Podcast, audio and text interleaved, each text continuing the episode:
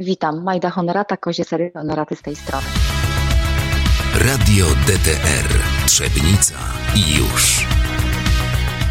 Honorata, jak w znanym filmie e, Czterej Pancerni Pies, ale to chyba nie ta Honorata. Nie, zdecydowanie nie ta Honorata. Ale ze Śląska. Z Dolnego Śląska. Ale jeżeli nawiązujemy do, do honoraty, to od tego tak naprawdę się zaczęło, od tych czterech pancernych, ale kończy się zupełnie inaczej, kończy się w zupełnie innej branży, w innej historii, kończy się pomiędzy kozą a serem. Właśnie, koza a ser. Y, zaintrygowało mnie logo. Y, jak rozmawiałem z panią na początku, zastanawiałem się, dlaczego kozicę górską wybraliście w logo. Mieliśmy długo dylemat tak naprawdę pomiędzy wyborem e, między jednym logo a drugim logo, a w ogóle faktem, czy to logo tworzyć, e, czy ono będzie potrzebne, czy nie będzie potrzebne. To była taka bardzo spontaniczna decyzja, mianowicie gdzieś e, mimochodem, szukając alternatyw, tak nam się nasunął pomysł, że może troszeczkę bardziej kontrowersyjnie, nie klasycznie.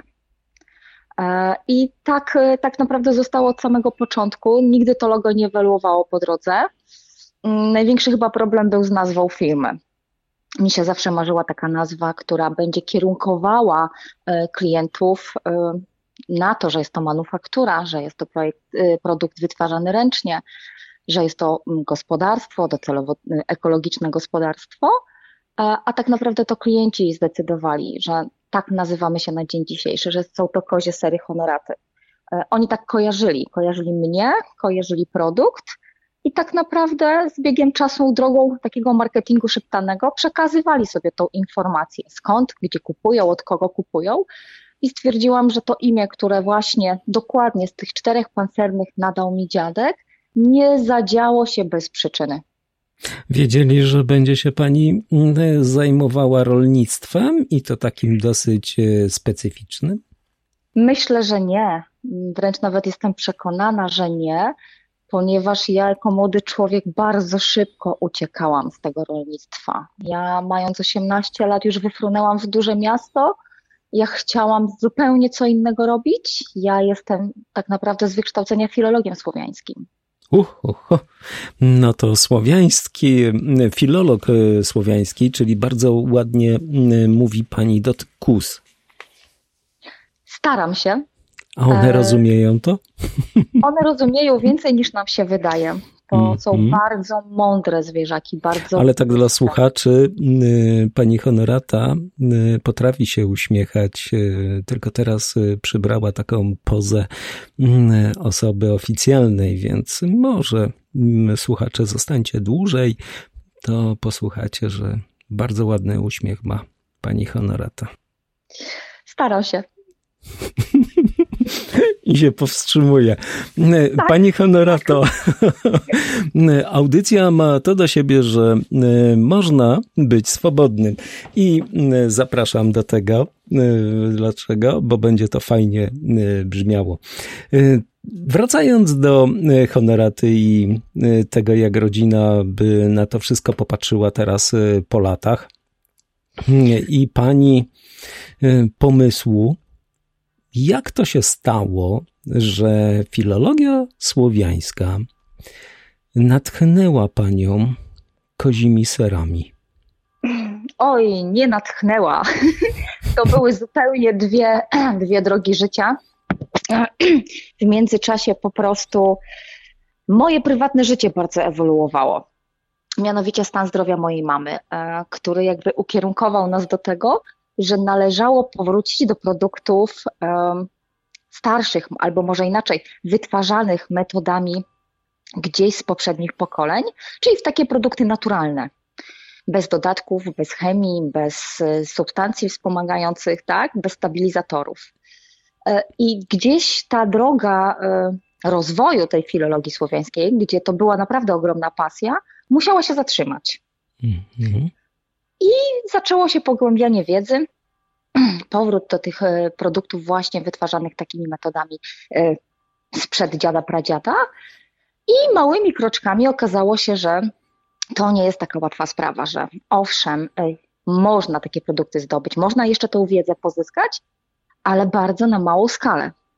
Mhm. Stąd też narodził się taki pomysł, że okej, okay, żeby jeść zdrowo, chwilowo jesteśmy w takiej sytuacji, że musimy sobie ten produkt wytworzyć. I tak pod wpływem emocji po części narodził się pomysł miejmy swoje. Ja taka Ale... dygresja, e, będąc też w, u jednego z producentów e, serów tutaj na Dolnym Śląsku, on powiedział w swojej historii, że musiał całą wiedzę i doświadczenie e, czerpać od Niemców. Pojechał, powiedział, że rok będzie za darmo pracował, ale żeby mu wiedzę dali. Nawiązując teraz do tej wypowiedzi, E, od razu, nie mówiąc głośno, o kim rozmawiamy, mogę tylko powiedzieć, że to jest człowiek, który tak naprawdę mnie stworzył. I dzięki On niemu dużo ludzi, dużo ludzi stworzył. Tak, tak, za to mu ogromnie dziękuję, bo jest niesamowitym wsparciem i mentalnym, i, i czysto takim praktycznym. Aczkolwiek e, jest to taka branża, taki charakter pracy, że tutaj z ręką na sercu muszę się przyznać, jeżeli tego nie lubimy, to nie będziemy tego robić. A mleko ma to do siebie, że uczy cierpliwości. Mm-hmm. Dlatego, dlatego kobieta tutaj podjęła ten trud?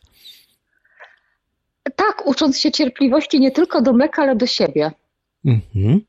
Jak to się odbyło? Wiele, wiele lat zeszło na to, żeby produkty faktycznie finalnie mogły znaleźć się na półkach sklepowych mogły mm, dotrzeć do klientów takie produkty, gdzie już mogłam powiedzieć, tak, jestem w sumie zadowolona, aczkolwiek do dnia dzisiejszego powtarzam, że wiem, że nic nie wiem.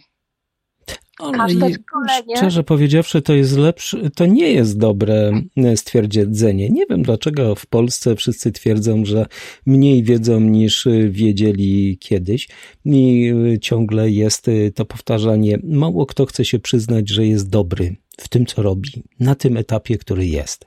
A chyba tak jest u pani. Znaczy nie, samo stwierdzenie jestem dobra na tym etapie, na którym jestem, tak, pokuszę się i, i tak mogę powiedzieć. Brawo. Aczkolwiek uważam, że nie można spoczywać na laurach, na tym, że ktoś nas docenił, że docenili nas klienci, czy doceniło nas jakieś jury w konkursie. No ale Pani Honorato, może Pani w związku z tym więcej zrobić, bo wie Pani, że e, jak to e, w naszym kraju jest, że my nie lubimy za bardzo ludzi sukcesów. Do ludzi sukcesów chyba w większości mamy takie właśnie podejście um, taką e, nutą dystansu, z taką e, niepewnością pod względem tego, że są lepsi od nas. Nie wiem dlaczego, skąd to się bierze. Mhm. Aczkolwiek trzeba pamiętać, że ludzie sukcesu, jakkolwiek szeroko to pojęcie brzmi, nie zawsze oznacza coś niedobrego.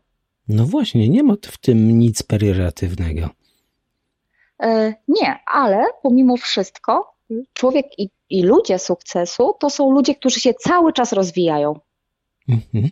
Czyli gdzieś z tyłu zawsze musimy pamiętać, że nie jesteśmy najlepsi, jesteśmy dobrzy, jesteśmy wspaniali, jesteśmy wykształceni w tym, co robimy, ale nie spoczywamy na laurach. Ale za to y, próbujemy ciągle testować się, bo bierze Pani udział w różnego rodzaju konkursach i te sery tak. otrzymują nagrody. Tak. Więc jakaś y, z tego jest konkluzja.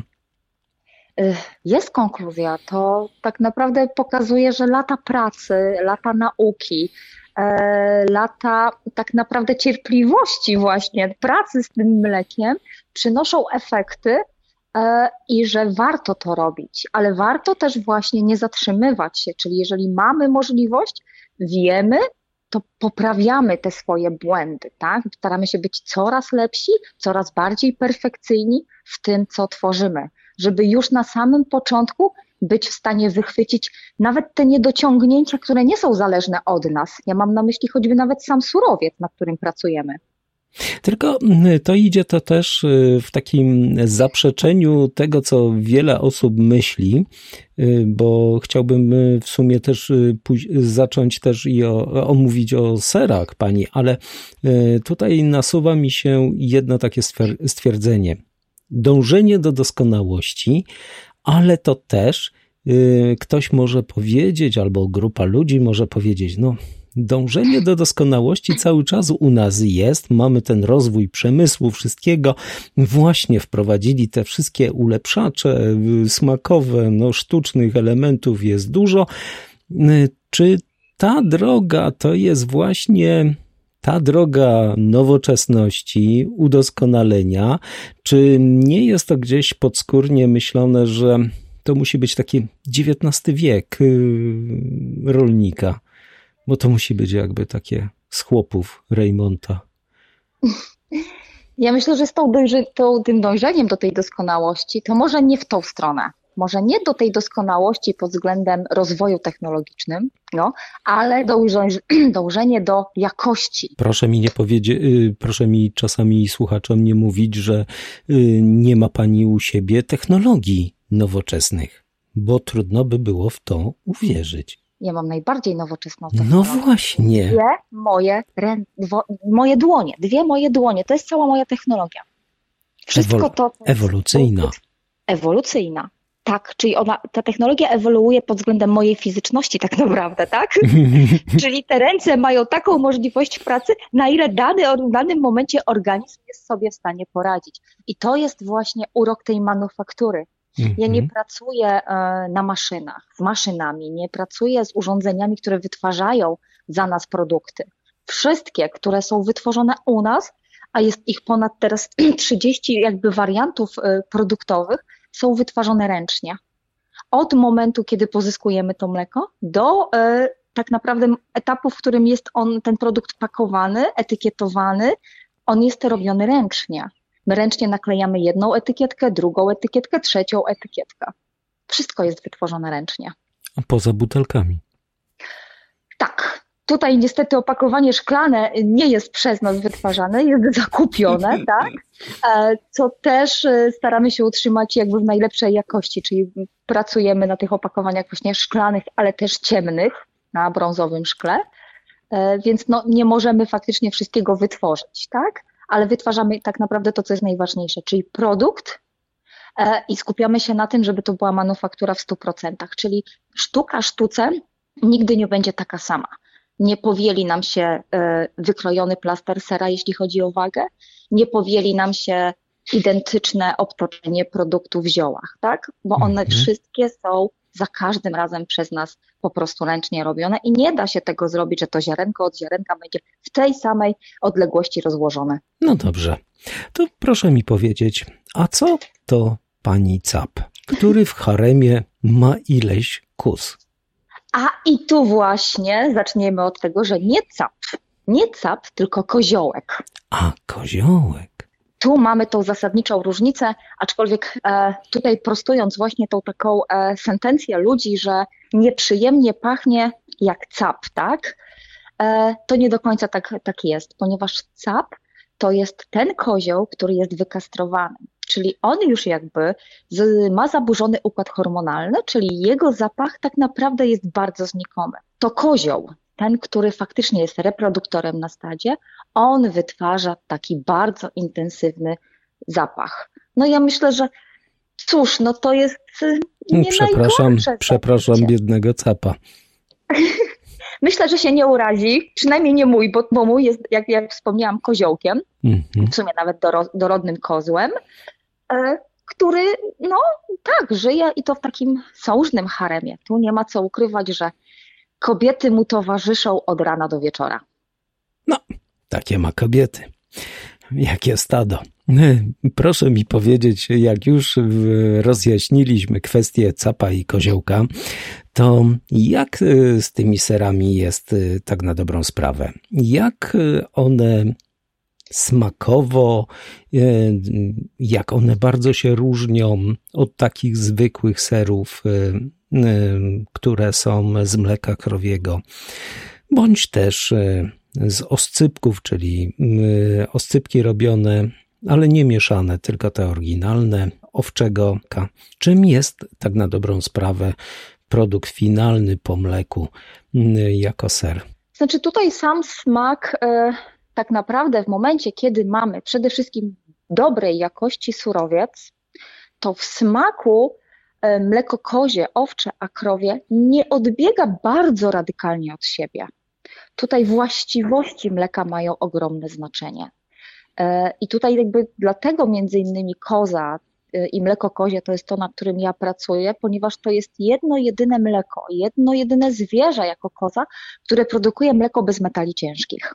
I uważam, że no, patrząc z perspektywy czasów y, naszych chorób wszelakich onkologicznych, dzieciaczków, które się borykają z przypadłościami wszelkiego rodzaju, jest to bardzo istotne. Ten produkt właśnie wykonany już na bazie dobrego surowca, czyli mleka, które nie ma żadnego charakterystycznego zapachu. I tutaj nie mówimy tylko, że to jest zapach typowo dla kozy. Mm, ten zapach może być typowo też dla krowy. To wszystko zależy od tego, jak karmimy to zwierzę, jaką higienę udoju utrzymujemy, w jakich warunkach przechowujemy to mleko, czy ono już do produkcji jest e, podkwaszone na przykład, nieświeże, tak? czy pracujemy na mleku świeżym, właśnie bezpiecznym, jeśli chodzi o bakterie. E, I docelowo wytwarzamy produkt, który jest smaczny, pachnący ładnie, e, bez takiego narzuconego smaku czy zapachu. Mhm. Pani Honorato, jeżeli możemy e, podsumować e, kwestię taką produkcyjną, jak bardzo rozróżnia Pani sery swojej produkcji? Jak bardzo rozróżniam sery swojej produkcji?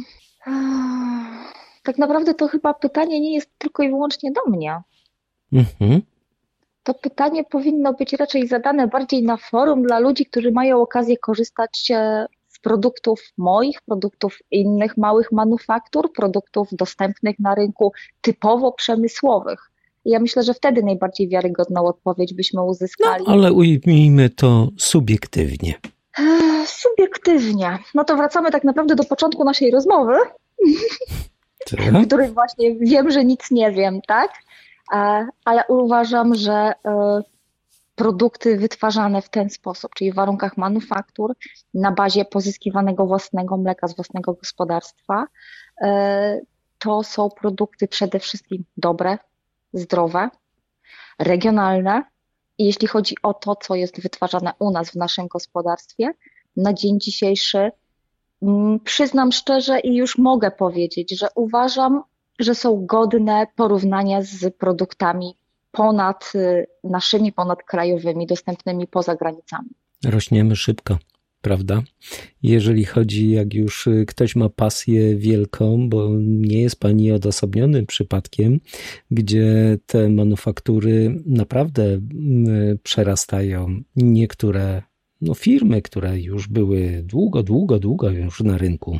Nie mówię o Polsce. Zdarza się tak. Coraz częściej się zdarza, że te mniejsze firmy, firmy rodzinne tak naprawdę, tak, właśnie te manufaktury, firmy rodzinne, gdzie tak naprawdę załoga pracownicza jest znikoma, e, mają lepszą jakość produktów niż firmy, które faktycznie na rynku utrzymują się nawet z takim 30-letnim stażem.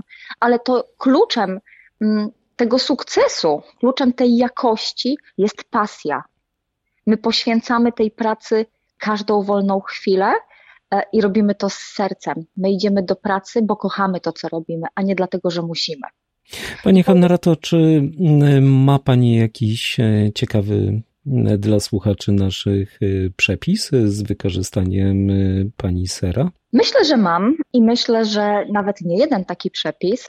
Mhm. Aczkolwiek jednym z takich e, bardzo fajnych wariantów e, wykorzystania tego sera koziego, który najczęściej właśnie u nas jest praktykowany dla klientów, którzy mm, spotykają się z tą kozą po raz pierwszy lub wiele lat do tyłu no, nie mieli powiedzmy dobrych doświadczeń.